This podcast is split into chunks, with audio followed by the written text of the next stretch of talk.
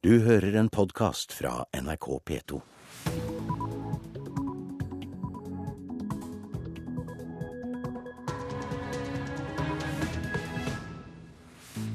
Dette er eh, Nyhetsmorgen. Drap i Oslo og Nedre Eiker i Buskerud i natt. Nesten halvparten av trikkene i Oslo tas ut av drift i dag pga. sprekker i konstruksjonen. Venstre og Fremskrittspartiet har politikk som setter det store pensjonsforliket i fare, sier LO-leder Roar Flåten. Skulle en borgerlig regjering begynne å, å angripe den avtalefesta pensjonen i tillegg, så er det klart det vil bli en veldig vanskelig sak for oss. Og eh, da ber det jo om krig. Kaizers Orchestra splitter Jæren.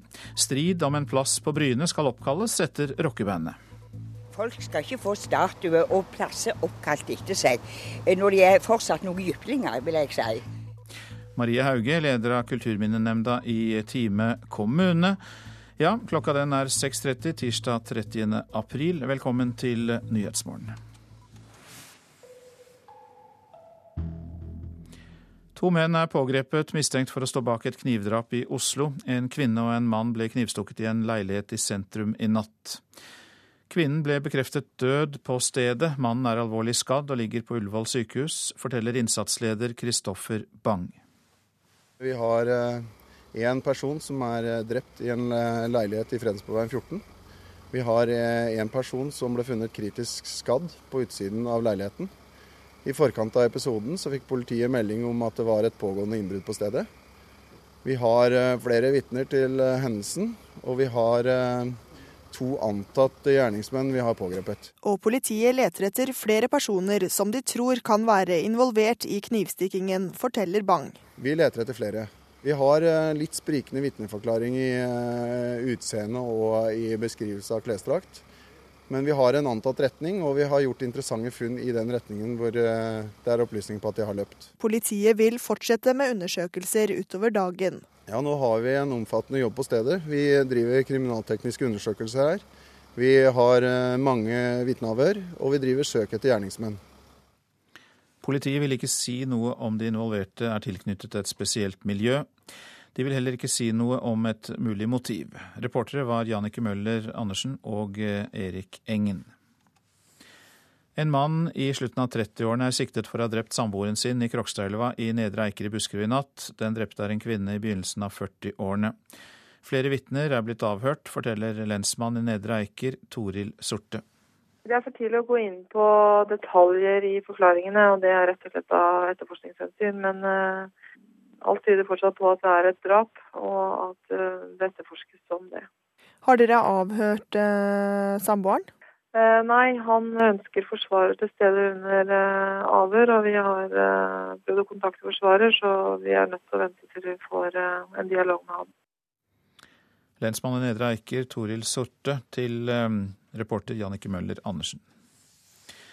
Nærmere halvparten av trikkene i Oslo kan bli ute av drift i flere måneder. 30 trikker blir i dag tatt ut av trafikk med øyeblikkelig virkning pga. sprekker i konstruksjonen. Det vil nå bli satt opp buss for trikk på mange av linjene, men mange reisende må regne med forsinkelser i dag. LO-leder Roar Flåten frykter for pensjonene hvis det blir borgerlig valgseier til høsten. Både Venstre og Fremskrittspartiet har politikk som setter det store pensjonsforliket i fare. Hvis partiene blir en del av den borgerlige regjeringen, blir bl.a. tidligpensjon, AFP, usikker, advarer LO-sjefen. Vi er jo veldig bekymra over eh, Venstres holdning til eh, den avtalefesta pensjonen, altså den tariffesta, som er et resultat også av et trepartssamarbeid. I tillegg til at Fremskrittspartiet aldri har tilkjent seg eh, denne ordningen. Og klart Skulle en borgerlig regjering begynne å, å angripe den avtalefesta pensjonen i tillegg, så er det klart det vil bli en veldig vanskelig sak for oss. Og uh, da ber det jo om krig. Venstre vil fjerne den statlige støtten til avtalefestet pensjon for de fagorganiserte. Dagens uh, AFP-ordning gjelder tross alt er det 50% av arbeidstakerne. 50% står utenfor ordninger. Svært mange av disse er sliterne i arbeidslivet. Det syns Venstre er urettferdig. Vi trenger en ordning som hjelper alle de som faller utenfor arbeidslivet. Det gjelder funksjonshemmede, delvis uføre, de med rusproblem, de som trenger mer tilrettelegging i arbeidslivet. Så kortversjonen eh, for, for Venstres holdning er at vi vil gi de store pengene til de som virkelig sliter i arbeidslivet. Nestleder Terje Breivik konstaterer tørt at LO-sjefen nå har startet valgkampen. Dette velger jeg å se på at LO tydeligvis har begynt, har begynt valgkampen når de går til frontalangrep på, på Venstre. I Fremskrittspartiet avviser Robert Eriksson Flåttens bekymringer. Nei, Jeg synes det er total skivebom fra Roar Flåten å komme med den kritikken når det gjelder eh, både AFP og pensjonsspørsmål i det hele tatt mot Fremskrittspartiet. Det, når vi har fått det nye systemet, så har Fremskrittspartiet sagt at de som har avtalefesta pensjon, skal få den samme pensjon som de har i dag, men den eh, statlige finansierte folketrygdedelen må være lik for alle, uavhengig om du jobber i, i en bedrift som har tariffavtale eller ikke. I LO ser ting annerledes ut for leder Roar Flåten. Avtalefestet pensjon er en opparbeidet rettighet, sier han. Og vi liker jo ikke at de, eh, selv etter eh, det trepartsforliket som kom i 2008, den reforhandlinga av AFP hvor myndighetene var med, at de fortsatt eh, angriper AFP politisk. Reporter Hedvig Bjørgum. Trusler, trakassering, fengsling og voldelige angrep mot dissidenter. Det er stikkord for Sri Lanka fra Amnestys rapport som blir offentliggjort i dag. Jon Peder Egenes, du er generalsekretær i Amnesty Norge. Ifølge denne rapporten så er det regjeringen i Sri Lanka som på denne måten aksjonerer mot personer som uttrykker motstand mot regjeringens politikk. Og hvem blir hardest rammet? Ja, Dessverre så er det sånn nå at det er eh, mange grupper som rammes. Eh, helt fra høytstående dommere. Har, myndighetene har akkurat avsatt eh, lederen av Høyesterett fordi hun avsa noen dommer de ikke likte, og, og erstattet henne med en som er tett på dem. Um, journalister. Um, 15 journalister har blitt drept siden 2006. Den siste vi kjenner til ble skutt i februar i år. Overlevde riktignok, men ble skutt i nakken det samme mønsteret vi har sett mange ganger. Fire væpnede menn på motorsykler er plutselig rundt bilen hans, trekker ham ut eh, og skyter ham. En, en, annen gruppe som vi nå ser har blitt stadig mer utsatt, er folk som forsøker å organisere alternative politiske partier. Politiske partier som ikke forholder seg til skillet mellom tamiler og, og singalesere, som er de to store folkegruppene på Sri Lanka, men sosialistiske partier, sosialdemokratiske partier, blir trakassert, truet, fengslet i korte perioder og torturert. Ehm, dette henger også sammen med det som skjedde da det endelige slaget sto mellom eh, de såkalte tamiltigrene og, myndighetene i 2009. Eh, vi ser også at de som eh, forsøker å få til et oppgjør etter det. Begge sider i den krigen begikk grufulle overgrep. Alt det er mer eller mindre skjøvet under teppet. Eh, folk som reiser til FN og, og vitner eh, for Menneskerettighetsrådet f.eks., opplever det samme. Og, og, alt kobles til denne konflikten mellom tamiler og singalesere. Og folk stemples som forrædere, som terrorister. De kalles eh, singalesiske tigre hvis de er dissidenter, selv om de da tilhører den singalesiske folkegruppen. og og det er brutalt. Det, det, dreier seg nok i stor grad om å, å befeste makt for det sittende partiet, som bl.a. har endret grunnloven slik at presidenten kan fortsettes og velges til evig tid, mens det tidligere bare var to perioder han kunne sitte. Regjeringsstyrkene på Sri Lanka de knuste jo tamiltigrenes gerilja i 2009. og eh, under krigen, og spesielt sluttfasen, da, så ble det begått alvorlige brudd på internasjonale menneskerettigheter, som du sier, fra begge sider. Men er det denne grusomme konflikten og at det blir forsøkt lagt lokk på den, som ligger bak? At det er egentlig hovedårsaken til at alt dette skjer nå? Det virker som det er et svært viktig element i det. For som sagt så er det de som forsøker å, å grave frem sannheten. De som forsøker eh, etter mer eller mindre å ha gitt opp at det skal komme et nasjonalt oppgjør og gå internasjonalt med dette, og få FN særlig til å, til å granske dette uavhengig, de er spesielt utsatt. Samtidig så, så handler det som sagt også om å, å, å konsolidere makten i, regjeringspartiet slik det er nå, slik at man bruker også den konflikten og den frykten for at den skal blusse opp igjen, til å, til å si, legitimere overgrepene i, i forhold til en stor del av befolkningen på Sri Lanka.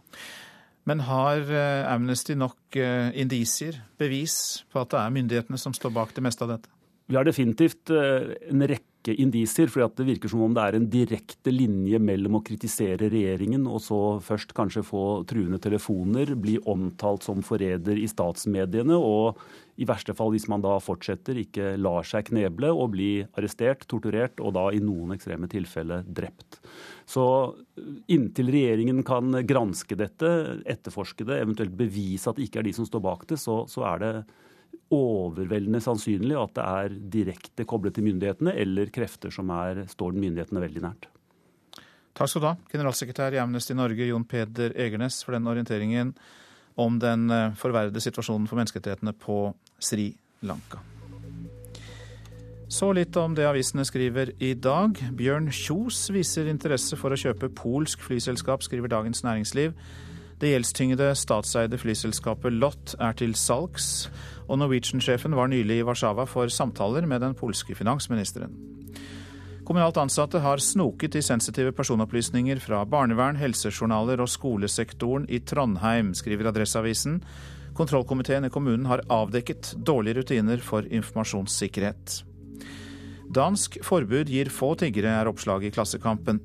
Tiggerforbudet er grunnen til at vi har langt færre tiggere her enn i Oslo, sier Københavns politidirektør Mogens K. Møller. Takker Alexander Dale Oen for livet, skriver Bergens Tidende. Den 16 år gamle svømmeren Kristoffer Solberg Jørgensen fikk avdekket en alvorlig hjertesykdom som følge av oppmerksomheten etter at Dale Oen døde.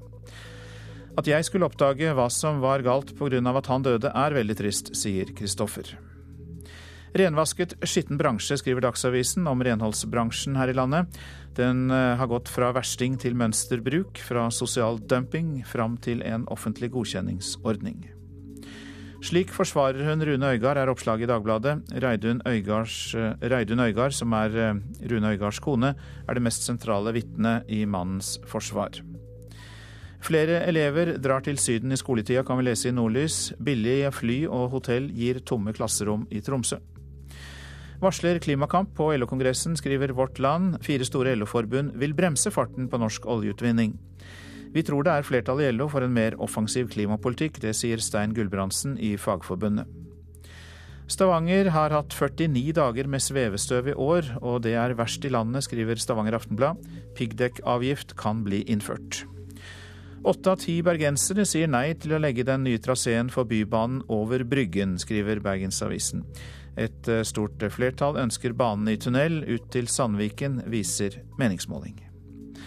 Punkt ut av egen lomme for å bli soldat, skriver Aftenposten om. 19 år gamle Even Haukvik har brukt 50 000 kroner på øyeoperasjon i håp om å få tjenestegjøre i Forsvaret.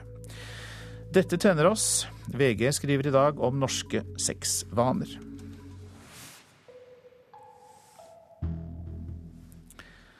Kontringenes mesterliga, ja slik karakteriserer tidligere fotballspiller André Bergdøl Moe årets versjon av verdens mest prestisjetunge fotballturnering.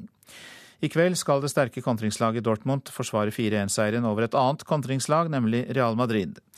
Det er returkamp i den første semifinalen fire av de tre lagene i semifinalen nå er, er, faktisk eh, utrolig på kontringer. André Bergdøl Moe spilte 28 kamper for Dortmund på starten av 2000-tallet. I kveld skal hans gamleklubben forsvare 4-1-seieren mot Real Madrid. Er det noen som kan, eh, som kan klare å straffe dem eh, per dags dato i Europa, så, så er det nettopp et topptent Real Madrid på hjemmebane. Men han holder med Dortmund og håper kontringsstyrken blir avgjørende jeg har litt trua på at, eh, på kan, kan skåre et mål, og da, da, er det over en out for uh, Real.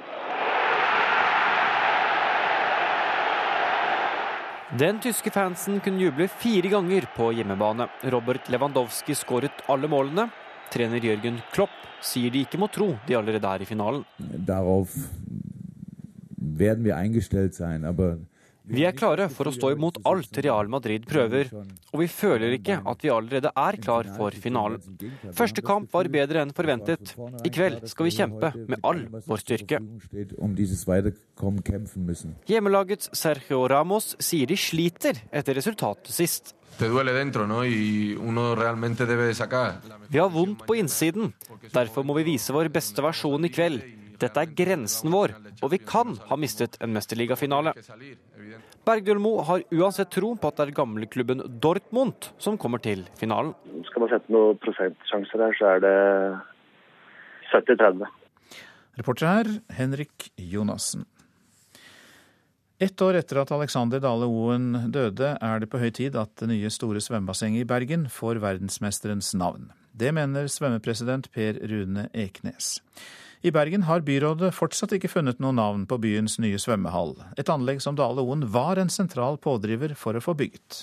Han bør huskes med dette anlegget, og ikke minst fordi at han er en av de største idrettsmennene vi noen gang har hatt i Norge, og den desidert største svømmeren. Alt i 2010 tok svømmepresidenten til orde for at Bergens nye svømmeanlegg måtte kalles opp etter Alexander Dale Oen. På ettårsdagen til svømmeren sin død gjentar Eknes oppmodinga. Ingen tvil om at det bør bli kalt Alexander Dahl-Oen, Eller, eller svømmehallen Alexander Dahl-Oen, eller et eller annet i, i den dur. Men Alexander Dale Oen eh, bør absolutt være inne i navnet. Det var i Bergen svømmetalentet fra Øygarden utvikla seg til å bli verdensmeisteren og førerbildet vi kjenner. Og det er klart at Dette er jo et anlegg som han også har vært involvert i. Det er han som har bestemt hvilken dybde det skal være i bassenget. Og... I vasskanten på Nygårdstangen står den nye svømmearenaen snart klar.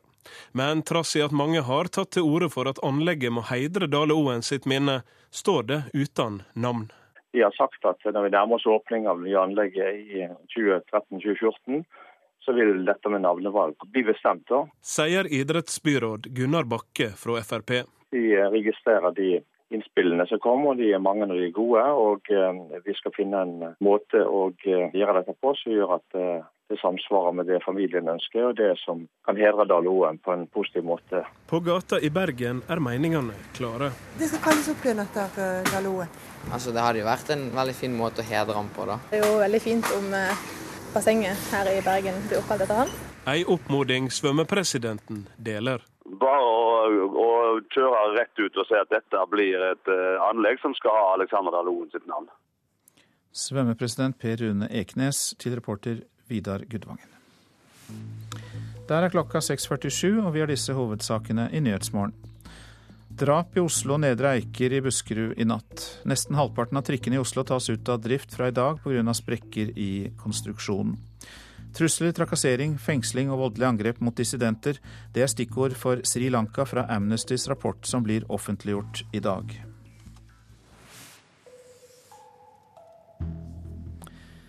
Ikke rør arbeidsmiljøloven, slik lyder hovedparolen fra LO i 1. mai-toget i Bergen. Selv om dette er valgår, tror ikke valgforsker at dette vil skape større engasjement likevel på 1. mai. Det var den første vi begynte med. Flere paroler i rødt ligger rullet sammen på gulvet på Folkets hus i Bergen. Arbeidsliv for alle, ingen svekkelse av arbeidsmiljøloven. Det er den som vi skal bære fremst. Arrangementsleder for 1. mai i Bergen i regi av LO, Arne Jæger, sier at det var bred enighet om hovedparolen. De er bekymret for at arbeidstakernes rettigheter blir svekket dersom det blir et regjeringsskifte til høsten.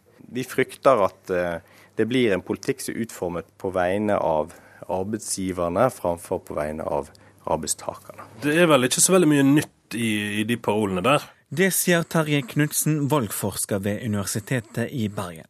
Jeg tror ikke at årets parole vil skape mer engasjement enn en vanlig. Men det er uansett eh, et viktig eh, tema å ta opp. Fordi at eh, den borgerlige siden av politikken har gått inn for mer, et mer fleksibelt arbeidsliv, mer oppmyking av arbeidstidsbestemmelse. Derfor håper Arne Jæger at det blir stor oppslutning på toget deres 1. mai for å ivareta dagens arbeidsmiljølov. I bunn og grunn så er, dette, er vi alle mer eller mindre lønnsmottakere og arbeidsfolk. Så dette berører alle på et eller annet plan. Reporter Renald Tennison Christoffer. PR-bransjen blir mektigere og bestemmer mer enn før, viser ny forskningsrapport. Den kan bli et hinder for demokratiet, sier Thomas Spence, nestleder i Norsk Journalistlag. Det er et fenomen vi må leve med, men det vi ikke kan akseptere, at de gjør dette til hinder for fri og uavhengig presse. I dag kom rapporten som viser at det blir flere kommunikasjonsrådgivere, og at de har mer makt. Thomas Benz, nestleder i Norsk Journalistlag, er bekymra. Hvis alle de hadde opptrådt med respekt for frie, uavhengige medier og forstått hva deres oppgave er i et åpent samfunn, så, så hadde jeg ikke vært bekymret. Men dessverre får vi altfor mange meldinger fra våre medlemmer, fra aktive norske journalister og redaktører, som opplever at eh, institusjoner fra Slottet via statsministerens kontor til den minste bedrift og kommune litt for ofte bruker kommunikasjonsfolk til å lukke, til å stenge prosesser, til å hindre innsyn. Rapporten viser at kommunikasjonsrådgivere får en stadig viktigere posisjon på arbeidsplassen, og at de har økt innflytelse på samfunnet. Trygve Gulbrandsen, forsker ved Institutt for samfunnsforskning, har laga rapporten. Det er doblet antall i eh, staten. Og Norsk kommunikasjonsforening har fått langt flere antall, så det er blitt en viktig gruppe i samfunnet. Flere kommunikasjonsrådgivere og mer makt er en naturlig konsekvens av utviklinga. Det mener Therese Manus Hønningstad, daglig leder for Norsk kommunikasjonsforening. Stadig økte krav til både fra mediene og fra folk om åpenhet, om tjenester, om tilgjengelighet. Ehm, virksomheter har eh, fått en større forståelse for eh, viktigheten av omdømme, viktigheten av en tydelig og synlig leder. I motsetning til Spens mener Manus Hønningstad at kommunikasjonsrådgiverne har bidratt til et mer åpent samfunn. De har vært en pådriver på å få informasjon ut til folk, eh, og også få eh, fagfolk til å se viktigheten av å svare. Det er en virkelighet Thomas Benz ikke kjenner seg igjen i. Bare se på mange av de prisbelønte reportasjer som norske journalister har gjort de siste årene, så er det ofte eh, saker eh, hvor f.eks. kommunale etater, barnevern, eh, sykehus, andre har forsøkt å holde tilbake oss informasjon om skader, om rapporter eller konsekvenser for utsatte grupper. I noen eh, tilfeller så uh, har bedrifter behov for å uh, komme frem med sin side av saken. Og jeg ser ikke at det er noe i veien for at uh, virksomheter prøver å få fortelle sin historie. Mediene er jo ganske beinharde på vinklingene sine, de også innimellom. Therese Magnus Hønningstad, leder for Norsk kommunikasjonsforening, og denne rapporten eh, som vi omtalte, ble gjennomført på oppdrag av Norsk kommunikasjonsforening. Reporter Kaja Kristin Næss. Rockerne i Kaizers Orchestra splitter politikerne på Jæren. De krangler nemlig om en ny plass på Bryne skal oppkalles etter det populære rockebandet eller en historisk kornmølle. Alt er åpent foran kommunestyremøtet i kveld. Bryne fortjener å ha en plass som heter Kaizers plass. Kaiser har jeg ingenting imot, men de kan få sin plass en annen plass. Kaizers Orchestra har bergtatt publikummet sitt hjemme og ute med oljefat og sjarm på jeg-dialekt i over ti år. Men før årets Spellemann går i dvale til høsten, har bandet blitt en het politisk potet i hjembyen Bryne. Det er dette området her som vi vil skal heite Mølleplassen sier Arbeiderpartipolitiker og leder i Kulturminnenemnda i Time, Maria Hauge. Folk skal ikke få statuer og plasser oppkalt etter seg eh, når de er fortsatt noen jyplinger, vil jeg si. For her har det altså vært møller med fossen der i over 200 år.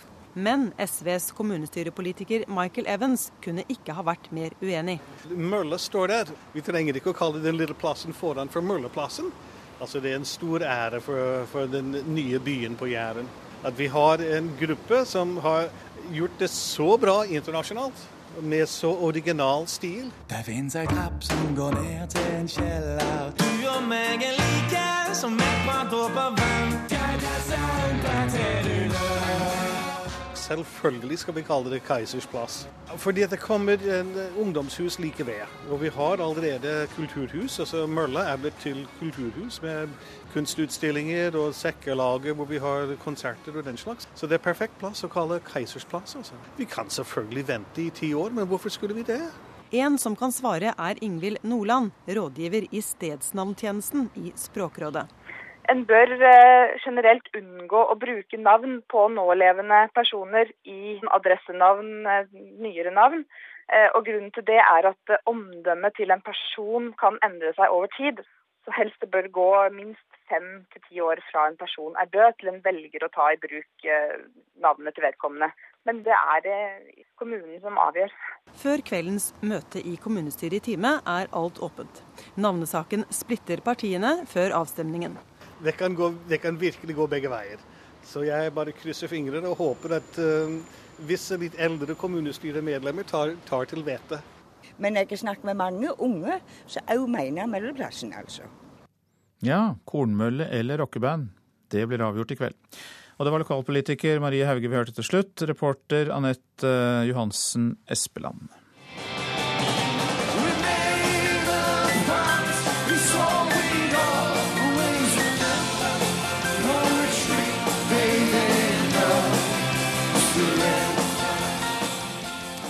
Ja, Våre kjære lyttere hørte sikkert at det ikke var Kaizers Orchestra, men selveste Bruce Springsteen live fra Telenor Arena, No Surrender. Og velkommen til deg, Espen Rusdal i Dagsavisen. Jo, takk. Du er anmelder der. Og rockelegenden var altså tilbake i Oslo i går mindre enn ett år siden sist, eh, på stadion på Fornebu, og fylte den da til randen. Og hva syns du? Jeg syns det var eh, storveis. Han viste enormt overskudd og spilleglede. De har jo hatt en pause på en måned, så det, det var tydelig. De, de, stortrivdes på scenen, og det gjorde vel storparten av de i salen nå, tror jeg. Og du da, åpenbart også. Ja, ja det var uh, slettes ikke verst, slettes ikke verst, som jeg skriver i anmeldelsen på nettet senere i dag. Det er at uh, du skal lete lenge etter bedre konsert, i hvert fall. og stemningen var god. Hva var det publikum fikk høre? De fikk høre egentlig spor fra hele karrieren. Og det var eh, store deler, eller store tilløp til allsang, bl.a. under uh, Hungry Heart og Waiting for a Sunny Day. Og han tok opp en jente som hjalp å synge, som var ganske sjarmerende og artig. Og han hadde jo selvfølgelig flere jenter oppe og dansa sammen på Dancing in the Dark. Og vi fikk høre Born You Say, Born to Run. Altså i det hele tatt det folk ville høre, har jeg inntrykk av. Hva var ditt uh, høydepunkt, uh, Espen Rustad? Jeg vil si det var uh, ene ekstranummeret Born to Run. Det var sånn gåsehudøyeblikk med kaste lys på salen og hender i været. og det var, ja, Alle var oppe av stolene sine da, selv de på langsiden. Etter hvert så har jo de fleste hørt om Bruce Springsteen nærmest hele sitt liv. Går han på autopilot, eller har han noe å gi hver gang? Nei, han går ikke på autopilot i det hele tatt. Tvert imot, han er veldig flink til å endre settlistene fra kveld til kveld. Så det er han kaster bare blikk mot Max, basspilleren, og så er de i gang. Og da kaster bare bandet seg på. Så det er ikke alltid de selv vet hva som kommer neste. Trykka. Men det skaper en viss dynamikk og en spenning da, i musiseringen. Hva er det med Bruce Springsteen? Er det nettopp denne evnen til å improvisere og være til stede der og da som, eh, som engasjerer publikum? Jeg tror publikum kanskje føler at de får litt ekstra han også. fordi I går for eksempel, så idet dørene åpnet, så går de inn, og da står Bruce Springsteen alene på scenen og spiller et lite akustisk sett. Og folk er jo ganske perplekse og overrasket, for å si det mildt. Og de stormer jo til. og Det er sånne ting man ikke opplever. Så går han av, og så går det en time av land, og så er bandet på plass igjen og spiller i nesten ja, i tre timer. The Boss er fortsatt sjefen, Espen Rustad? Ja, det er sjefen av alle sjefer, vil jeg si. Takk skal du ha. Du er anmelder i eh, Dagsavisen.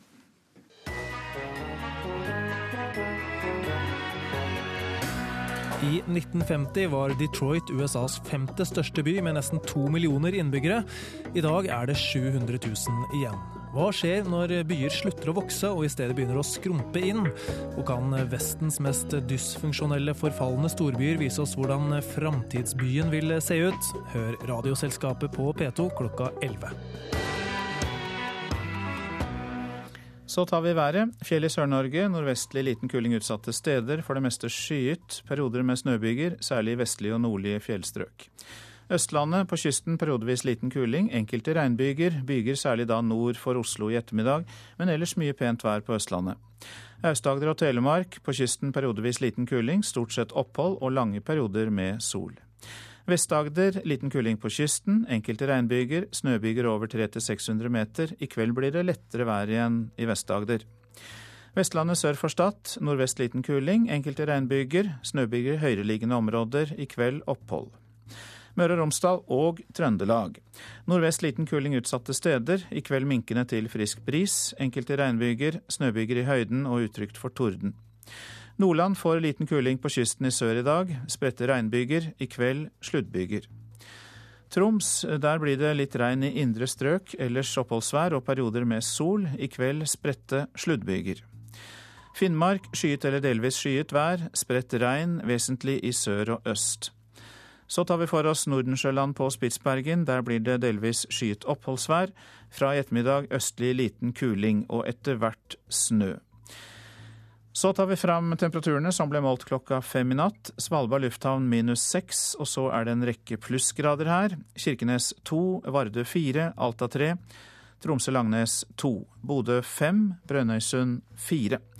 Trondheim-Værnes null, Molde to, Bergen-Flesland fem. Stavanger fire, Kristiansand-Kjevik tre, Gardermoen to, Lillehammer én. Og så dukker det opp et par minusgrader, og de er eh, på Røros. Og så tilbake i Oslo. Der er det pluss to grader. Det var altså det som ble målt klokka fem i natt. Pluss tre skal det være i Oslo. Du hører en podkast fra NRK P2.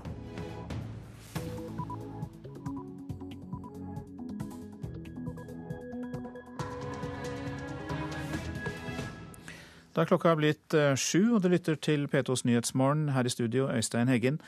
Dette er en nyhetsoppdatering først. Det bør lages nasjonale regler når det gjelder bruk av ansiktsdekkende plagg som nikab og burka i skolen. Det mener menneskerettighetsekspert Njål Høstmælingen. Jeg syns det er feigt av de nasjonale politikerne å velte det spørsmålet her, som gjelder realisering av individuelle rettigheter til opplæring og til religionsfrihet, over på de lokale skolemyndighetene og over på den lokale forvaltningen. To kvinner er drept i natt i Oslo og Nedre Buskerud. I Buskerud er samboeren siktet. I Oslo er to mistenkte pågrepet men politiet jakter på flere. Vi leter etter flere. Vi har eh, litt sprikende vitneforklaring i eh, utseende og i beskrivelse av klesdrakt. Men vi har en antatt retning, og vi har gjort interessante funn i den retningen hvor eh, det er opplysninger på at de har løpt. Det ser, det ser, ut til å være en konstruksjonsfeil på trikker i Oslo. Nesten halvparten ble tatt ut av drift i går pga. sprekker i konstruksjonen. Den økonomiske krisen i Europa er også blitt en krise for folks fysiske og psykiske helse. Selvmordstallene har vært rekordhøye i mange land, spesielt i Sør-Europa, de siste årene. I Hellas øker også antallet dødfødsler.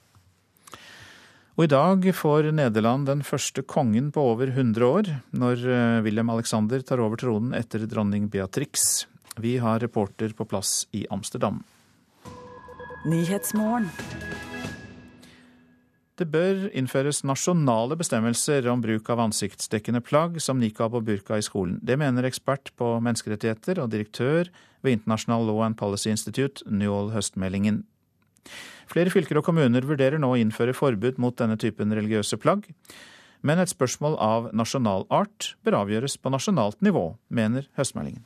Jeg syns det er feigt av de nasjonale politikerne å velte det spørsmålet her, som gjelder realisering av individuelle rettigheter til opplæring og til religionsfrihet, over på de familiene det gjelder, og de jentene det gjelder som ønsker å bære det her, over på de lokale skolemyndighetene og over på den lokale forvaltningen. Direktør ved International Law and Policy Institute, Njål Høstmeldingen, mener politikerne lider av beslutningsvegring fordi de ikke ønsker nasjonale regler om bruk av ansiktsdekkende plagg i skolen. Vi har en lik regel, og det er at dette kan bestemmes lokalt. Og jeg har ikke fått noen henvendelser om at man ønsker seg nasjonale regler på dette, så jeg tror at den eh, bestemmelsen fungerer utmerket. Dette uttalte kunnskapsminister Kristin Halvorsen til NRK i februar i år, og hun får følge av både Høyre, Venstre og KrF, som alle mener at spørsmålet om forbud eller ikke bør avgjøres lokalt. Oslo og Østfold har i dag forbud mot ansiktsdekkende plagg i skolen, mens Akershus fylkeskommune og Horten kommune vurderer et forbud.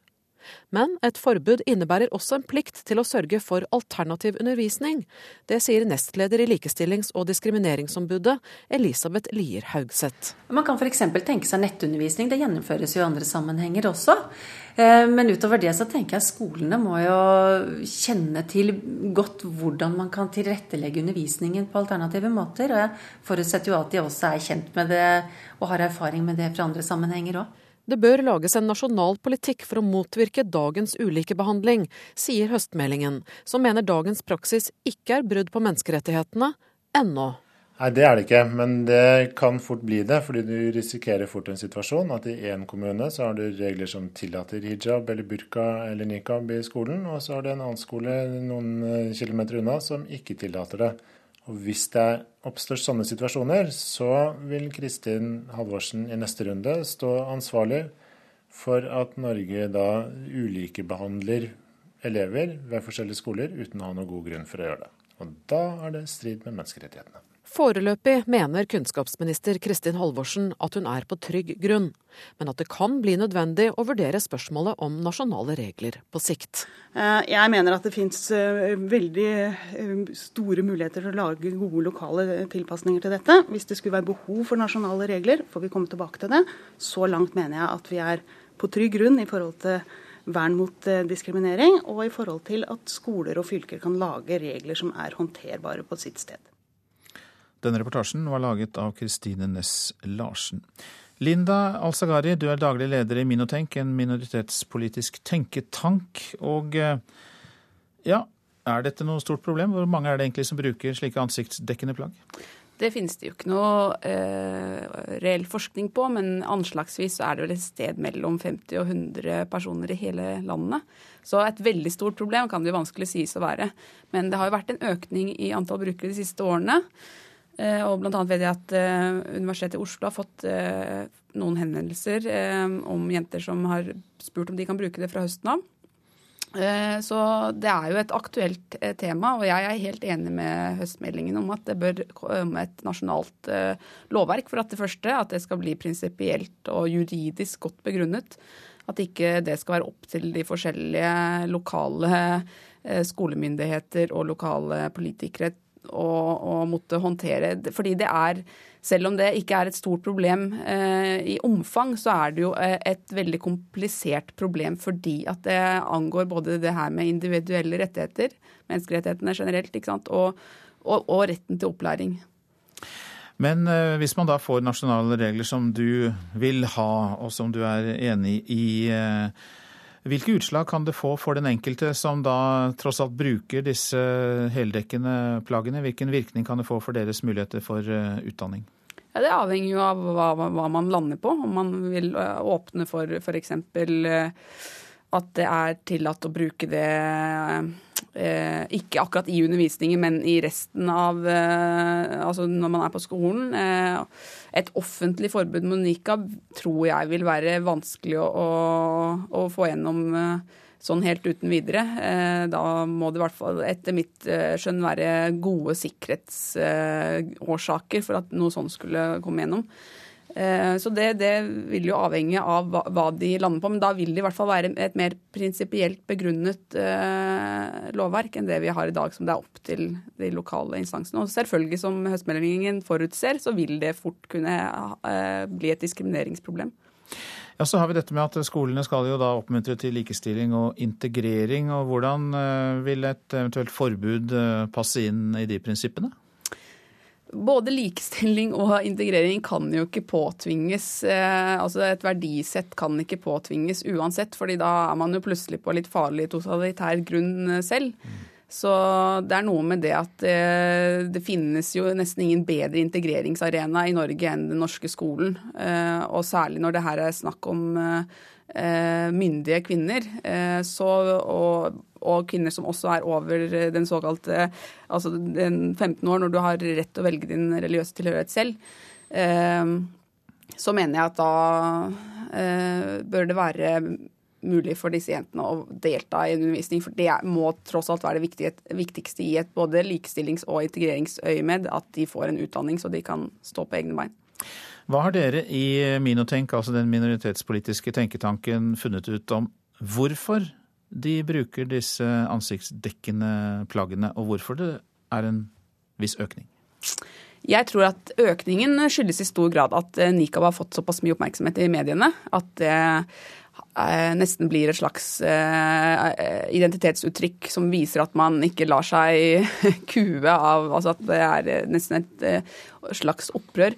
Eh, men eh, ellers så er det jo like individuelle grunner til å bruke det som det er for jenter som også bruker hijab. At det kan både være dype religiøse eh, følelser involvert, men også at det kan være en sånn statement, rett og slett. Og en kombinasjon av flere ting. Så det, det må man nesten la de jentene som bruker det, for, for, for, fortelle selv, for det må de nesten regne med å, å bli spurt om. Men samfunnet bør håndtere det kanskje bedre? Ja, vi må i hvert fall ta det, ta det med ro. Takk skal du ha, Linda Al-Sagari, som altså er daglig leder i Minotenk, en minoritetspolitisk tenketank.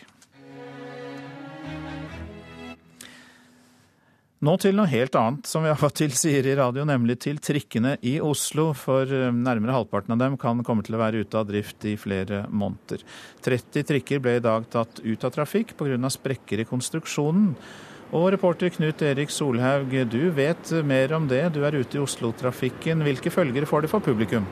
Nei, Det har seg sånn at uh, pga. at det da er funnet sprekker i belgene på eh, de, mange av uh, disse her mest moderne trikkene, SL95 som de har navn, de italienske store, tunge trikkene, så er det altså i alt 30 trikker som er tatt ut av drift. Eh, det sier jo litt om omfanget når det i alt er 72 eh, trikker i eh, gang i Oslo. Det får følgende konsekvenser at det da kjøres busser for trikk på, på, hele linje 12. Resten av linjene så vil det kjøre disse gamle trikkene, men også bli satt inn buss på enkelte deler av strekningen. Hvor lang tid kan det ta før trikken er på sporet igjen? Nei, det De sier nå er at de jobber for fullt da, for å finne ut uh, hvor mange trikker som, som, er skadet. og De har to eller tre trikker som skal undersøkes hver dag. De setter inn fullt trøkk på dette her for å, å få flest mulig trikker friskmeldt fortest mulig. Men at det kommer til å ta litt tid, det legger eh, de ikke skjul på. Ja, jeg hører at det er en trikk som driver og tar en sving bak deg der. Hvordan er situasjonen på Jernbanetorget? Det er vel der du er? Det er jeg, og det er altså disse eldste, de, de gamle trikkene som da fortsatt er i drift. Og de kommer jo inn her med, med jevne, mellomrom, jevne mellomrom. Det er også busser i farta her nå, og der kommer det, det trikker eh, støtt og stadig hvor det står da 'buss for trikk'. Takk skal du ha, Knut Erik Solhaug, som altså rapporterte om trikkesituasjonen i eh, Oslo. Den økonomiske krisen i Europa har gjort eh, at en rekke EU-land kutter i sine helsebudsjetter. Det er ofte bevilgninger til psykisk helsevern som kuttes først. Men i krisen er det den mentale helsen som det står dårligst til med hos mange EU-borgere. Dette ifølge en fersk rapport fra Verdens helseorganisasjon. My life right now is worse than my. The life of my son is going to be worse than I was when I was his age. Mitt liv er verre enn min mors var. Min sønn får en fattigere oppvekst enn jeg selv fikk, sier Rakel Freire. Som millioner av andre unge portugisere er hun arbeidsledig. Svimlende 38% av de unge i Portugal har ikke jobb. Og bildet er det samme i flere andre europeiske land i krise. I en fersk rapport peker Verdens helseorganisasjon på konsekvensene av at land som Portugal kutter kraftig i helsesektoren og innenfor psykisk helse midt oppe i denne situasjonen. Den klareste helseeffekten av krisen i Europa så langt er nettopp en forverring av folks mentale helse. Selvmordstallene har vært rekordhøye i mange land, spesielt i Sør-Europa, de siste årene. I Hellas øker også antallet dødfødsler. Men midt oppe i elendigheten finnes et interessant paradoks. Gjennom EØS-midlene på 14 milliarder kroner gir Norge støtte til forebyggende helsearbeid i en rekke EU-land. Det er satt av egne penger til styrking av mental helse i Portugal og en rekke land i Øst-Europa. Men så langt har få norske aktører vist interesse for å delta i de utlyste prosjektene som skal drives som partnerskap. Kanskje kunne norske penger hjelpe kriserammede portugisere som føler at livet er blitt så helsvart at de ikke ser veien videre. Utenriksmedarbeider Tove Bjørgaas orienterte. Arne Holte, du er assisterende direktør i Folkehelseinstituttet. Ja, Vi hørte til slutt her at Norge har bevilget penger til forebyggende helsearbeid gjennom EØS-midlene. og Det er jo da penger vi betaler til EU-land for å opprettholde denne avtalen. Hvorfor tror du at eh, så få norske har meldt sin interesse for å være med der? Jeg må først få lov til å forklare litt om eh, psykisk helse. Eh, for å utvikle en god og sterk psykisk helse, så må vi oppleve en følelse av identitet, av hvem vi er. Eh, at vi har, opplever mening i livet, at vi er med på noe som er større enn oss selv. At vi mestrer, at vi kjenner tilhørighet, har venner osv. Og eh, Før i tiden hentet vi jo mye av dette fra familien, det gjør vi enda. Men i stadig større grad så henter vi jo dette nettopp fra arbeidssituasjonen vår og fra utdanning. Og det som skjer i EU nå, er jo nettopp at det er dette som faller sammen. Sånn at folk mister kildene til å utvikle god psykisk helse. Og vi ser også et stort behov for å modernisere eh, den psykiske helsehjelpen i Europa. I mange av de nye medlemslandene så snakker vi om gamle asyler som vi hadde i Norge for flere tiår siden. Og, det, og, Europa ser nå til Norge bl.a. for å hente en del av modellene som vi har for vårt helsesystem. Og eh, gjennom det som ofte kalles laksepengene, så betaler vi jo eh, masse penger til Europa for å få tilgang til markedet. En del av dette har disse landene satt av nettopp for å bøte på og hjelpe på den psykiske helsesituasjonen i landet ved å modernisere eh, eh helsehjelpen. Og eh, da er det vår erfaring også at uh, for det første så trenger de å lære av våre modeller. Det andre er at vi selv lærer kolossalt mye som kan forbedre vårt helsesystem ved å gå inn i samarbeid med disse landene.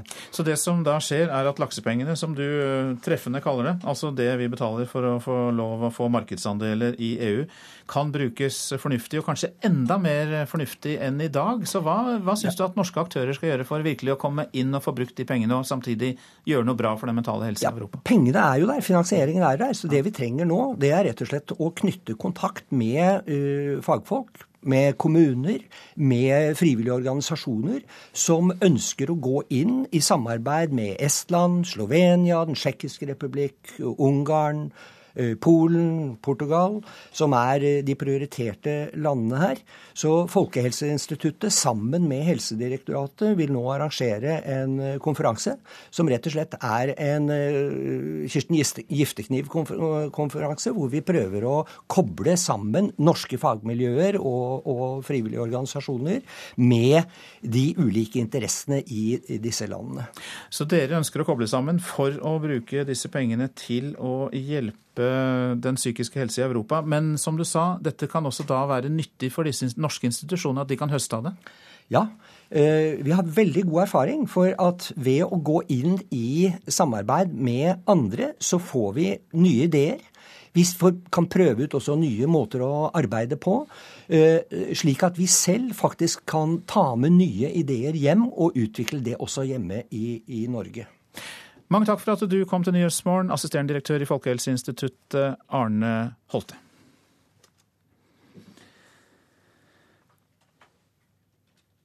Så skal vi eh, fortelle at eh, du lytter til Nyhetsmorgen. Der er klokka 7.17, og vi har disse hovedsakene. Det er feigt av rikspolitikerne å gi skolene og kommunene ansvaret for å si ja eller nei til elever som vil bruke nikab og burka på skolen. Det mener ekspert på menneskerettigheter. En mann er siktet for å ha drept samboeren sin i Nedre Buskerud i Oslo. I, i Nedre Buskerud i natt, også i Oslo, ble en kvinne drept. Her er to mistenkte pågrepet, og politiet leter etter flere gjerningsmenn. Og noe seinere i sendingen skal vi til Nederland, som får sin første konge på 100 år. Men eh, først om norske treforedlingsbedrifter. De kan ikke vente finansiell drahjelp fra redningspakken som regjeringen la fram i går. Næringen må tenke nytt og satse friskt for å ha en sjanse til å ta del i de 500 millionene som skal investeres. Alt som du kan lage av olje, kan du lage av tre. Det sier Arne Rørå, direktør i Norskog. Sminke f.eks. Vaniljesmaken i desserten du spiser. Bindemidler i maling, betong kommer fra norsk gran. Så det er uendelige anvendelsesmuligheter. Men finanskrisa i Europa har gått hardt utover treforedlingsindustrien. For Norge er problemet også at vi satsa på feil produkt for en del år tilbake, forteller Rørå. Norge er i en litt spesiell situasjon. Det er to markeder som virkelig faller, og det er avispapir og det er kopipapir. Norge har vært plassert i de markedene når det gjelder treforedling. Med Norske Skog sitt si, strategiske feil veivalg for en tid tilbake, så har vi vært rammet hardere enn de fleste andre. Nå gir regjeringa 500 millioner kroner til det statlige investeringsselskapet Investinor for at de skal investere i treforedlingsindustrien. Men dette er et helt nytt område for Investinor, og direktør Geir Ove Kjesbu kan ennå ikke si hva pengene skal nyttes til. Du, Det er for tidlig for meg for oss å si hva, hvem og hvilke type bedrifter som får nytte av denne type kapital som vi har tilført. Dette er jo en ny industri for Investinor som vi må bruke tid og kompetanse på å bygge oss opp til. Så etter hvert så vil vi se, prøve å finne ut av hva, hva vi kan investere i. Men én ting er klart. Investinor-pengene kommer ikke til å holde liv i nedleggingstrua skogbedrifter. Bedrifter som taper penger og på sikt ikke har noe altså, lysning til inntjening, må jo da omstille seg og finne på nye, nye produkter eller forretningsmodeller eller, eller lignende for å få nytte av denne type investeringer. Investinor kan dessuten ikke investere i et prosjekt uten at private investorer også går inn med halve kapitalen. Det gjør at Høyre sin næringspolitiker Svein Flåtten er skeptisk til Investinor som redningsplanke for skogbruksnæringa. Man må være oppmerksom på at det kommer ikke noe penger ut av det før man har fått private til å investere tilsvarende. Og med den skattepolitikken som har vært ført, så sitter det langt inne. Mm. Landbruksminister Trygve Slagsvold Vedum forsvarer Investinor som virkemiddel for å blåse liv i skognæringa. Det er mye knoppskyting innenfor norsk treforedling. Sist uke så kom Avinor med 100 millioner i forhold til å satse på drivstoff til uh, norske fly. Det kan være klær, andre typer produkter som man ønsker å lage av norsk uh, trevirke. Og det er det at staten kan ha investeringskapital i en sånn fase, kan være avgjørende for å realisere nye prosjekter, nye fabrikker, eventuelt utvikle, utvikle videre de anleggene man har. Reporter, det var Ellen Wiseth. I dag får Nederland den første kongen på over 100 år, når William Alexander tar over tronen etter dronning Beatrix. Seremonien skjer i hovedstaden Amsterdam. Du er også der, det kan vi tydelig høre, Kristi Marie Skrede. Ja, hvordan setter tronskiftet preg på byen?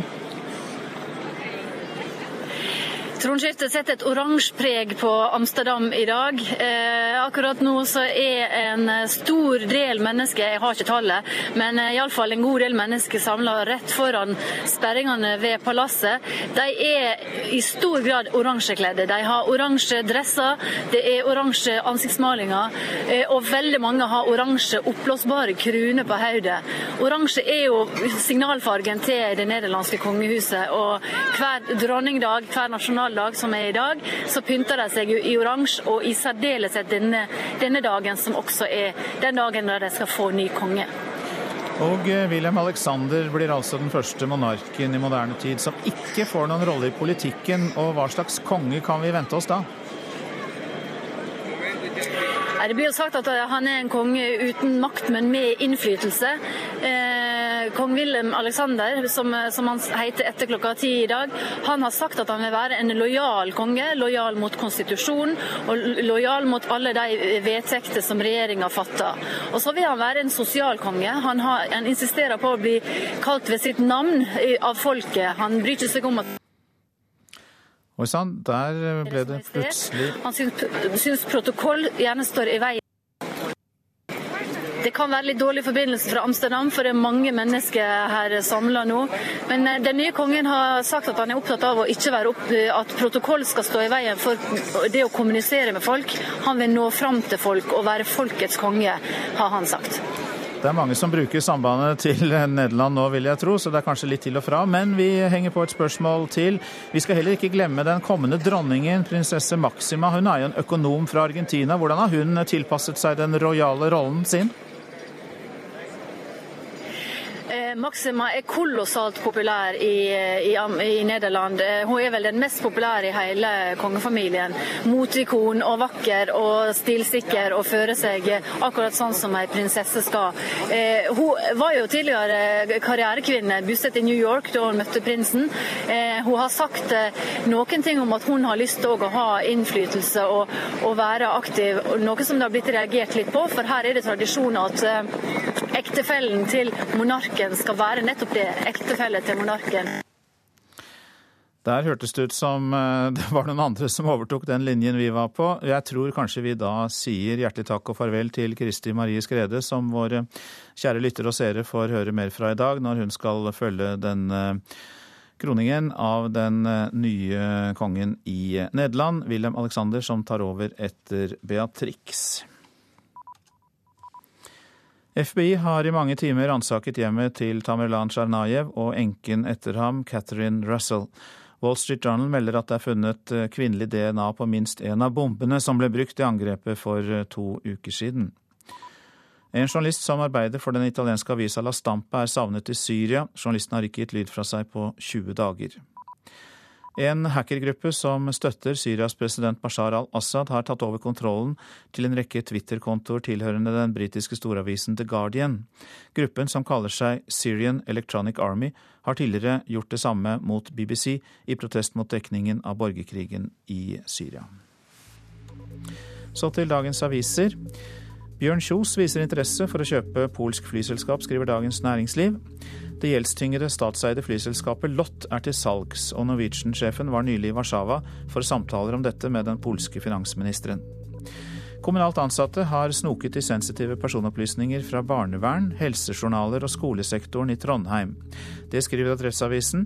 Kontrollkomiteen i kommunen har avdekket dårlige rutiner for informasjonssikkerhet. Dansk forbud gir få tiggere, det er oppslaget i Klassekampen. Tiggerforbudet er grunnen til at vi har langt færre tiggere her enn i Oslo, sier Københavns politidirektør Mogens K. Møller. Takker Alexander Dale Oen for livet, skriver Bergens Tidende. Den 16 år gamle svømmeren Kristoffer Solberg Jørgensen fikk avdekket en alvorlig hjertesykdom som følge av oppmerksomheten etter at Dale Oen døde. At jeg skulle oppdage hva som var galt pga. at han døde er veldig trist, sier Kristoffer. Renvasket skitten bransje, skriver Dagsavisen om renholdsbransjen her i landet. Den er gått fra versting til mønsterbruk, fra sosial dumping fram til en offentlig godkjenningsordning. Slik forsvarer hun Rune Øygard, er oppslaget i Dagbladet. Reidun Øygard er det mest sentrale vitnet i mannens forsvar. Flere elever drar til Syden i skoletida, kan vi lese i Nordlys. Billige fly og hotell gir tomme klasserom i Tromsø. Varsler klimakamp på LO-kongressen, skriver Vårt Land. Fire store LO-forbund vil bremse farten på norsk oljeutvinning. Vi tror det er flertall i LO for en mer offensiv klimapolitikk, sier Stein Gulbrandsen i Fagforbundet. Stavanger har hatt 49 dager med svevestøv i år, og det er verst i landet, skriver Stavanger Aftenblad. Piggdekkavgift kan bli innført. Åtte av ti bergensere sier nei til å legge den nye traseen for Bybanen over Bryggen, skriver Bergensavisen. Et stort flertall ønsker banen i tunnel ut til Sandviken, viser meningsmåling. Punkt ut av egen lomme for å bli soldat, skriver Aftenposten. 19 år gamle Even Haukvik har brukt 50 000 kroner på øyeoperasjon i håp om å få tjenestegjøre i Forsvaret. Og dette tenner oss. VG skriver om norske sexvaner.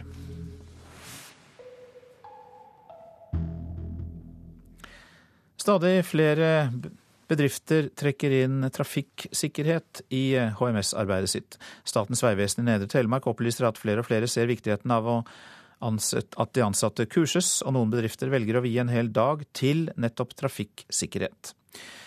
Yra har mye fokus på sikkerhet til sine ansatte på industriområdene, men like viktig er sikkerheten til de som ferdes i trafikken. Dere setter dere inn i bilen, setter på beltet, så kjører vi dere rundt så bilen står på hodet. Og da kjenner dere hvordan beltet holder dere på plass.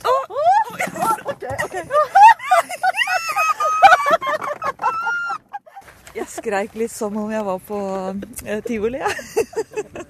Anne Mette Langholm er en av de Yara-ansatte som får prøve veltebilen under trafikksikkerhetsdagen. Syns det var litt ubehagelig. Er det nyttig å, å, kjenne på det her? Ja, det er jo det. Jeg har aldri kjent noe sånt noe tidligere, så det, det var bra. Stein Rune Sakshaug er HMS- og kvalitetssjef for Yara Industrial.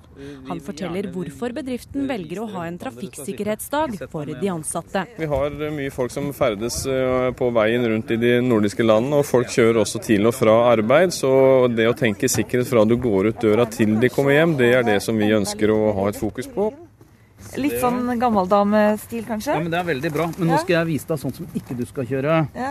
Vegvesenets representanter viser bl.a. fram riktig sittestilling når man kjører, og hvordan sikkerhetsbeltet skal ligge inntil kroppen. Mest mulig inntil kroppen. denne her, Hva syns du har fått ut av den dagen her? Foreløpig så syns jeg jeg har fått eh, testa en del ting som jeg aldri har gjort før. F.eks. å bruke brannslokkingsutstyr. Det har jeg hjemme, men uten at jeg har testa det noen gang. Hva syns du om at bedriften arrangerer en sånn type dag? Ja, Det syns jeg er veldig positivt. Og reporter her, det var Hilde Martine Lindgren. Ja, du lytter til eh, Nyhetsmorgen. I reportasjen etter Dagsnytt eh, kan du høre om eh, saftige lønnskrav fra de folkevalgte i Kenya, som faktisk er blant de best betalte politikerne i verden. Tidligpensjonen i fare eller ikke, det er tema for eh, Politisk kvarter, som altså kommer klokka kvart på åtte. Prosent for Nyhetsmorgen, det er Marit Selmer Nederlid. Her i studio, Øystein Heggen. Og har du tips eller kommentarer, så kan du sende en e-post til denne adressen nyhetsmorgen krøllalfa nrk.no. Nyhetsmorgen krøllalfa nrk.no. Minner om at du også kan laste ned hele Nyhetsmorgen som lydfil eller podkast. Mer informasjon finner du på det nye nettstedet radio.nrk.no, altså radio.nrk.no, som eh, er verdt et besøk.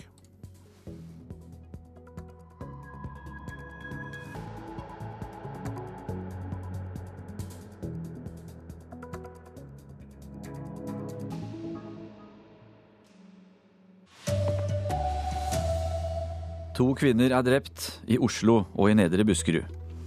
Det må være like regler for bruk av nikab og burka over hele landet, mener menneskerettighetsekspert.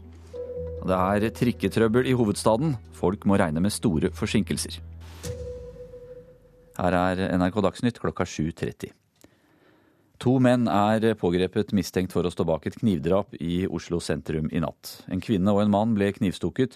Kvinnen ble bekreftet død på stedet, og mannen er alvorlig skadd og ligger på Ullevål sykehus. Det sier innsatsleder Kristoffer Bang. Vi har én person som er drept i en leilighet i Fredensborgveien 14. Vi har en person som ble funnet kritisk skadd på utsiden av leiligheten. I forkant av episoden så fikk politiet melding om at det var et pågående innbrudd på stedet.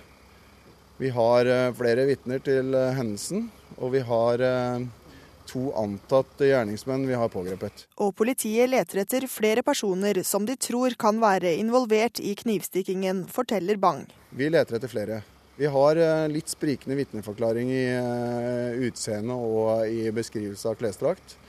Men vi har en antatt retning, og vi har gjort interessante funn i den retningen hvor det er opplysning på at de har løpt. Politiet vil fortsette med undersøkelser utover dagen. Ja, nå har vi en omfattende jobb på stedet. Vi driver kriminaltekniske undersøkelser her. Vi har mange vitneavhør, og vi driver søk etter gjerningsmenn. Politiet vil ikke si om de involverte er tilknyttet et spesielt miljø. De vil heller ikke si noe om et mulig motiv. Reportere her, det var Jannike Møller Andersen og Erik Engen. En mann i slutten av 30-åra er siktet for å ha drept samboeren sin i Krokstadelva i Nedre Eiker i Buskerud. Den drepte er en kvinne i begynnelsen av 40-åra. Flere vitner er avhørt, forteller lensmann i Nedre Eiker, Toril Sorte. Det er for tidlig å gå inn på detaljer i forklaringene, og det er rett og slett av etterforskningshensyn. Men uh, alt tyder fortsatt på at det er et drap, og at uh, det etterforskes som det. Det handler om om det bør innføres nasjonale bestemmelser om bruk av ansiktsdekkende plagg som nika og burka i skolen. Det mener i hvert fall menneskerettighetsekspert Njål Høstmeldingen. Flere fylker og kommuner vurderer nå å innføre forbud mot denne typen religiøse plagg. Men et spørsmål av nasjonal art bør avgjøres på nasjonalt nivå, mener Høstmeldingen. Fordi dette har med ikke-diskriminering å gjøre, og fordi det har med tros- og livssynsfrihet å gjøre. Du kan gjerne ha lokale regler der det er lokale behov, men på disse eh, to feltene så er det ikke det lokale som bestemmer innholdet, men det er du som individ. Direktør ved International Law and Policy Institute, Njål Høstmeldingen, mener politikerne lider av beslutningsvegring fordi de ikke ønsker nasjonale regler om bruk av ansiktsdekkende plagg i skolen. Vi har en lik regel, og det er at dette kan bestemmes lokalt. Og jeg har ikke fått noen henvendelser om at man ønsker seg nasjonale regler på dette, så jeg tror at den bestemmelsen fungerer utmerket. Dette uttalte kunnskapsminister Kristin Halvorsen til NRK i februar i år, og hun får følge av både Høyre, Venstre og KrF, som alle mener at spørsmålet om forbud eller ikke bør avgjøres lokalt. Oslo og Østfold har i dag forbud mot ansiktsdekkende plagg i skolen, mens Akershus fylkeskommune og Horten kommune vurderer et forbud. Det bør lages en nasjonal politikk for å motvirke dagens ulikebehandling, sier Njål Høstmeldingen, som mener dagens praksis ikke er brudd på menneskerettighetene. Ennå. Nei, det er det ikke, men det kan fort bli det. Fordi du risikerer fort en situasjon at i én kommune så har du regler som tillater hijab eller burka eller nikab i skolen, og så har du en annen skole noen kilometer unna som ikke tillater det. Hvis det skulle vise seg at dette blir et omfattende problemstilling, som mange fylker tar opp, og der det utvikler seg en ulik praksis, så er det selvsagt en problemstilling vi kan komme tilbake til. Det sa kunnskapsminister Kristin Halvorsen da vi snakket med henne nylig. Reporter her, det var Kristine Næss Larsen. 30 trikker i Oslo er eh, tatt ut av trafikk med øyeblikkelig virkning pga. Eh, sprekker i konstruksjonen. Det blir nå satt opp eh, buss for trikk på mange av linjene, men mange reisende må regne med forsinkelser i dag. Og reporter Knut Erik Solhaug, hvordan går trafikken i morgentimene? Ja, Som du kan høre i bakgrunnen, så er det trikker som går. Forskjellen fra en vanlig dag er at det er kun de gamle trikkene som sklir gjennom gatene her i Oslo. Det er altså funnet feil på de nyeste trikkene, disse italienske, de store, tunge trikkene. Og de er da tatt ut av drift. Vi snakker her om 30 trikker, og når de alt er 72 trikker i Oslo, så vet man at det vil få konsekvenser. Ja, Hvor lenge må passasjerene vente på trikken? Nei, altså eh, det ser ut til eh, Det settes altså inn buss for uh, trikk. Og det ser ut til at så langt så har dette gått relativt greit. Det ruller informasjon over disse informasjonsskiltene på holdeplassene med jevne mellomrom. I tillegg har det nå kommet folk med selvlysende refleksvester som gir informasjon etter beste evne til passasjerene. Det er hele linje 12 som er ramma. Der går det kun buss for trikk. Ellers så går det buss for trikk på deler av resten av eh, trikkelinjene. Ja, Det er 30 trikker sier du, som skal repareres. Eh, hvor lang tid kommer dette her til å ta? da? Ja, det, det eh, Oslo-trikken da har informert, er at de nå jobber på spreng og setter inn store ressurser på å få undersøkt trikkene som da er tatt ut. Men de har også vært tydelige på at dette her kommer til å ta tid, og vi snakker nok her om uker og ikke dager. Takk skal du ha, reporter Knut Erik Solhaug fra Trikkekaoset i Oslo. Så skal det handle om pensjonene våre. LO-leder Roar Flåten frykter for pensjonene hvis det blir borgerlig valgseier til høsten. Både Venstre og Fremskrittspartiet har politikk som setter det store pensjonsforliket i fare, mener Flåten. Hvis partiene blir del av en borgerlig regjering, blir bl.a. tidligpensjonen AFP usikker, advarer LO-sjefen. Vi er jo veldig bekymra over eh, Venstres holdning til eh, den avtalefesta pensjonen, altså den tariffesta, som er et resultat også av et trepartssamarbeid. I tillegg til at Fremskrittspartiet aldri har tilkjent seg eh, denne ordningen. Og klart Skulle en borgerlig regjering begynne å, å angripe den avtalefesta pensjonen i tillegg, så er det klart det vil bli en veldig vanskelig sak for oss. Og da ber det jo om krig. Skivebom av LO-lederen, sier Robert Eriksson, som leder Stortingets arbeids- og sosialkomité fra Fremskrittspartiet. Jeg synes det er total skivebom fra Roar Flåten å komme med den kritikken når det gjelder eh, både AFP og pensjonsspørsmål i det hele tatt mot Fremskrittspartiet. Venstre vil fjerne den statlige støtten til avtalefestet pensjon for de fagorganiserte. Nestleder Terje Breivik konstaterer tørt at LO-sjefen nå har startet valgkampen. Dette velger jeg å se på at LO tydeligvis har begynt, har begynt valgkampen og de går til frontalangrep på, på Venstre. Reporter Hedvig Bjørgum, og dette blir det debatt om eh, mellom LO og Venstre i Politisk kvarter eh, om eh, ca. seks-sju minutter i P2. Så skal vi rocke litt i Dagsnytt. Bruce Springsteen holdt konsert utenfor Oslo i går. I dag er landets musikkanmeldere klare med sine dommer.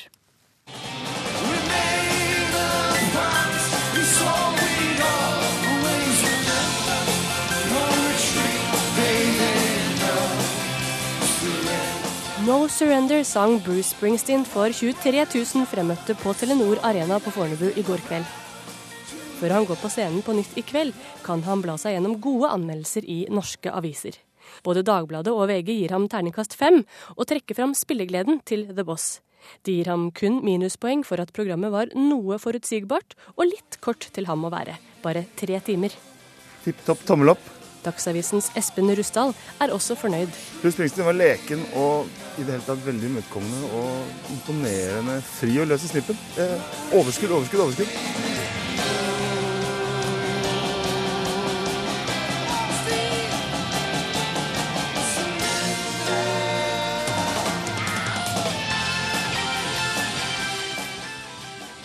Er det bare å glede seg for de som skal på konsert med Bruce Springsteen i kveld. Reporter her, det var Ina Strøm. Norges idrettsforbund vil at utøvere med funksjonshemming skal delta i ungdoms-OL på Lillehammer i 2016. Nå gjenstår bare godkjenningen fra Den internasjonale olympiske og paralympiske komité. Forslaget gleder lederen i Handikapforbundet, Arne Lein.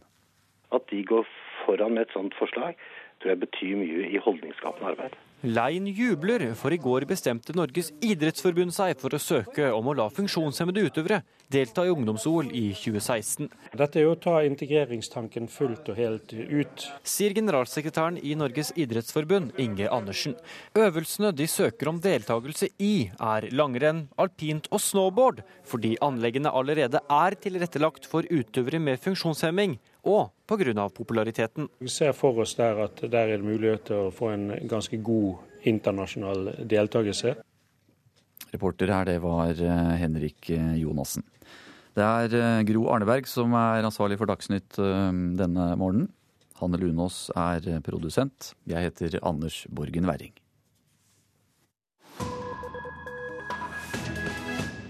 Dette er Nyhetsmorgen. Den amerikanske etterretningsorganisasjonen CIA ga millioner av dollar til Afghans president, president Hamid Karzai gjennom ti år. Ifølge New York Times skulle pengene brukes til å kjøpe innflytelse, men bidro i stedet til å øke den omfattende korrupsjonen i landet, sier kilder avisen har snakket med. My office? Uh, by whom? By the US government? Kontanter til mitt kontor fra amerikanske myndigheter Afghanistans president Hamid Karzai var i Helsinki i går, og virket overrasket da han ble spurt av en finsk journalist om oppslaget i New York Times. Ifølge avisen har CIA-agenter i mer enn ti år levert bager og kofferter fulle av dollarsedler til den afghanske presidentens kontor. Pengene kommer på toppen av all annen amerikansk bistand til landet, og de skulle brukes strategisk. Brukes til å kjøpe støtte eller bestikke, om du vil, krigsherrer og politikere i Afghanistan som Hamid Karzai har trengt å alliere seg med. Government government, Når Karzai får tenkt seg litt om på pressekonferansen i Helsinki, kjenner han visst til noen amerikanske kontanter likevel. There has not been any US government cash to my office. There has been uh, cash monthly coming uh, to um, uh, the National Security uh, uh, Office. Mitt kontor har ikke fått kontanter fra amerikanerne. Kontoret for nasjonal sikkerhet derimot har fått slike penger. Men det er ikke snakk om millioner av dollar. Kanskje 300 eller 400 000 i måneden. Kanskje mindre. And that's for uh, the running of the office and the, the uh, you know, Um, uh. Pengene er blitt brukt til å drive dette kontoret og behandle skadde afghanere og slikt, sier Karzai til journalisten fra finske Yle. Han forteller også at de amerikanske pengene fortsatt strømmer inn. I USA er det mange som ikke er overrasket. At CA bruker penger på denne måten, er ikke noe nytt. Men høytstående anonyme kilder, både i det amerikanske diplomatiet og Forsvaret, sier de tror pengene til Afghanistan kan ha vært mer til skade enn til hjelp. De har f.eks. utvilsomt bidratt til å forsterke den omfattende korrupsjonen i landet. Allerede i 2001 betalte CIA afghanske krigsherrer for å kjempe mot Taliban etter terrorangrepene mot USA. I USA var det flere, f.eks. i Kongressen, som ikke var klar over at pengene fra CIA har fortsatt å strømme på. Hamid Karzai har imidlertid heller ikke tidligere lagt skjul på at han får kontanter fra støttespillere i utlandet. I 2010 bekreftet han at en av hans mest betrodde rådgivere nettopp hadde kommet tilbake fra Iran med bager fulle av kontanter. Vi kalte dem spøkelsespenger, sier en av den afghanske presidentens tidligere stabssjefer om de amerikanske pengene. De kom i hemmelighet, og de forsvant i hemmelighet. At pengene ikke har klart å kjøpe den innflytelsen etterretningstjenesten ønsket, er det imidlertid mange som mener. Work, uh, with, with, with og da Hamid Karzai i går påsto at pengene var blitt brukt til å behandle pasienter, dukket en tørr kommentar opp på Twitter fra en kjent afghansk journalist. De må ha behandlet mange mennesker med de pengene. Det sa utenriksmedarbeider Tove Bjørgaas. Dette er Nyhetsmorgen. Vi har disse hovedsakene. To kvinner er drept i natt i Oslo og Nedre Buskerud. I begge sakene har politiet pågrepet mistenkte, men i Oslo leter de etter flere. Det bør være like regler for bruk av nikab og burka på skolen i hele Norge, mener menneskerettighetsekspert. I dag er det opp til den enkelte kommune å si ja eller nei. Og i Oslo må de som bruker trikken regne med store forsinkelser. Nesten annenhver trikk er tatt ut av drift. Programleder Bjørn Myklebøst, det er stort spenn i Politisk kvarter i dag. Fra fødsel til pensjon. Arbeiderpartiet og KrF har sklidd enda lenger fra hverandre i synet på hva som er greit å gjøre for å hjelpe barnløse. Og jeg blir også overrasket hvis Venstre og LO finner sammen her i dag.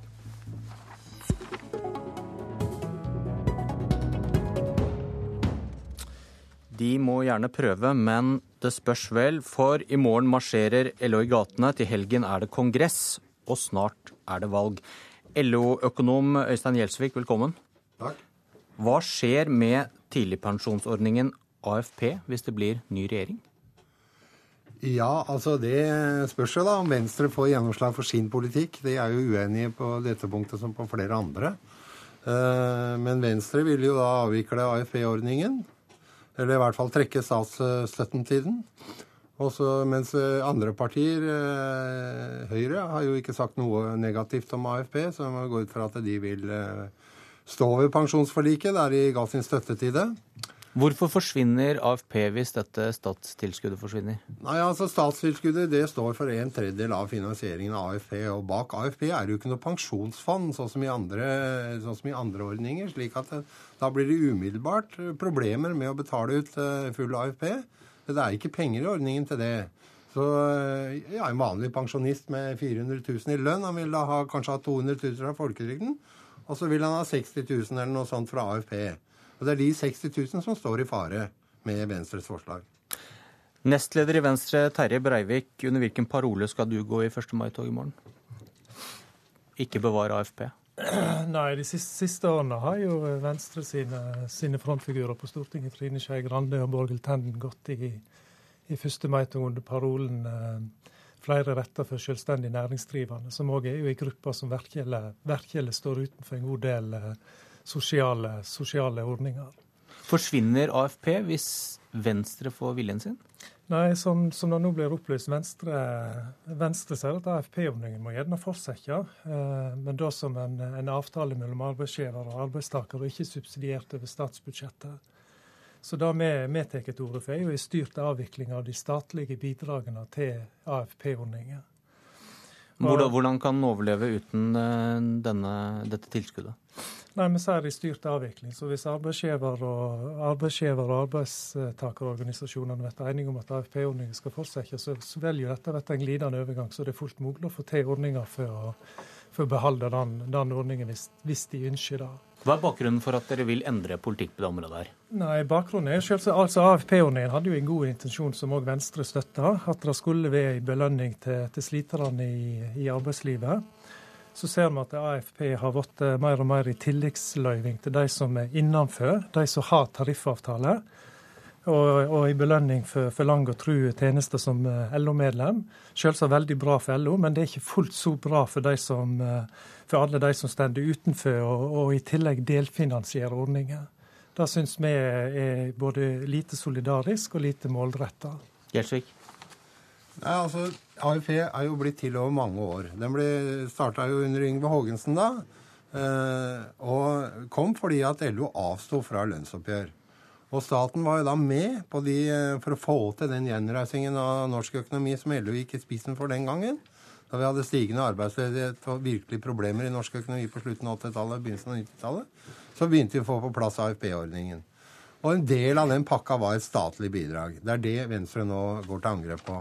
Og sånn som ordningen er, så er den altså, som jeg sier, ikke fondsbasert. Og da, da vil jo det bortfallet av det statlige bidraget sette hele ordningen i spill. Jeg vet ikke hva NHO vil si til det, hvis det plutselig den biten av den ordningen der faller bort. Eh, så, så vi føler at hvis Venstres politikk får gjennomslag, men det håper vi da det ikke gjør, så er den ordningen trua. Og det betyr veldig mye for eh, folk her og nå, altså. Eh, det er som sagt 60 000 oppå en folketrygd på 200 000. Og jeg vil da spørre Venstre. Dere, dere sier i programmet at AFP Er dere imot fordi at ja, Det ene er at det er urettferdig. da, Det kan jeg forstå i og med at dere prioriterer selvstendige og ikke arbeidsfolk. Det, jo, det forstår jeg jo. At dere syns den er urimelig. Men, men at den skulle være, være noe gærent med den i forhold til fortsatt arbeid, det skjønner jeg ikke. Er dere imot en god folketrygd? For altså AFP det er altså en direkte påbygning på folketrygden. Det gjør bare folketrygden bedre. Du tar den ut sammen med folketrygden. Det er ikke noe særrettigheter for AFP. Det er bare en høyere pensjon som vi har forhandla fram. Nei, Venstre står selvsagt og laster brann på pensjonsforliket. Det er, ikke, det er ikke det vi snakker om. Og pensjonsreformen ivaretar jo behov, hvis folk har behov for, for førtidspensjon på en, en, god måte. Eh, det, vi, ønsker oss å bruke disse pengene til, er jo primært å, å målrette det inn mot de som i dag av ulike grunner står utenfor arbeidslivet, og som vil inn i arbeidslivet. Eh, dømes eh, funksjonshemma, helt eller delvis uføretrygda, eh, rusproblematikk. Eh, ja, folk som har vært ute kanskje pga. psykiske problemer, som, nå, som har behov for rett og slett arbeidstrening for å komme inn igjen. Så vi, vi vil jo bruke disse, disse, midlene til en rimelig omfattende, omfattende program før så gjør det mye enklere å, å, gjøre tersklene atskillig lavere for å komme inn igjen. Bl.a. styrke, styrke lønnstilskuddsordningen til Nav etc. etc. Så, så, så, sånn sett så snur jo LO-problematikken litt, litt på hodet. Nei, altså Det er jo ikke noen motsetning å videreføre AFP-ordninger, gjøre alle de tingene som Venstre her sier at de skal gjøre. De er vi for også, det. Eh, men altså, hvorfor skal de ta våre AFP-penger som vi har framforhandla til sånne formål? Det skjønner ikke vi. Da kan vi heller la være å senke formuesskatten for rike folk, da. Finansiere det på den måten. Breivik? Nei, altså I dag er som jeg sa innledningsvis, dette er jo en ordning som både, både er lite solidarisk, lite målretta. Hvis du, ser, hvis du ser litt på antallet i dag, så er det anslagsvis i, i privat sektor 600-700 arbeidstakere som står utenfor ordningen. Eh, det vi sa i sin tid i 2008, altså daværende partileder eh, Lars Bonheim, var jo at enten måtte ordningen gjelde for alle arbeidstakere, eller så, så, måtte, så kunne vi ikke innføre den. Ser du den, Gjelsvik, at her er det noe alle betaler for, men som bare noen får? Jo. Og ikke bare sliterne? Jo, men sånn er jo Statsbudsjettet er jo full av sånne tiltak. Ja, Men det er det Venstre mener er ja, men, galt? Men, men altså, det er, det er, for det første så er det ikke sånn at det går bare til LOs medlemmer. Det går til alle på bedrifter der det er tariffavtale. Det er det som er ordningen. Og det er fritt fram for alle til å eh, rigge opp tariffavtaler i Norge. Så det, så det, det er ikke noe stengsler for andre. Og rein, som, som, jeg har sagt, så er AFP-ordningen rent påslag for folketrygden. Det er jo ikke noe, det er ikke noe i AFP-ordningen som hindrer folk i å få videre og, jobbe videre. Det kan du gjøre. AFP-ordningen er nettopp lagt om på den måten. For, og det ville politikerne i, i, pensjonsreformen at vi skulle gå om på. Det var jo ikke LOs forslag. Det er ikke vi som har gjort den mindre målretta sånn sett. Det er jo flertallet på Stortinget som har gjort det. Jeg trodde, trodde at Venstre var for det, da, men uh, Hva gjør LO hvis en ny regjering gjør som Venstre vil? Nei, altså det um, jeg tror at hvis noen setter eh, AFP-ordningen uh, i spill på den måten, ja, så, så vil det bli uh, bråk. Og det er kraftig.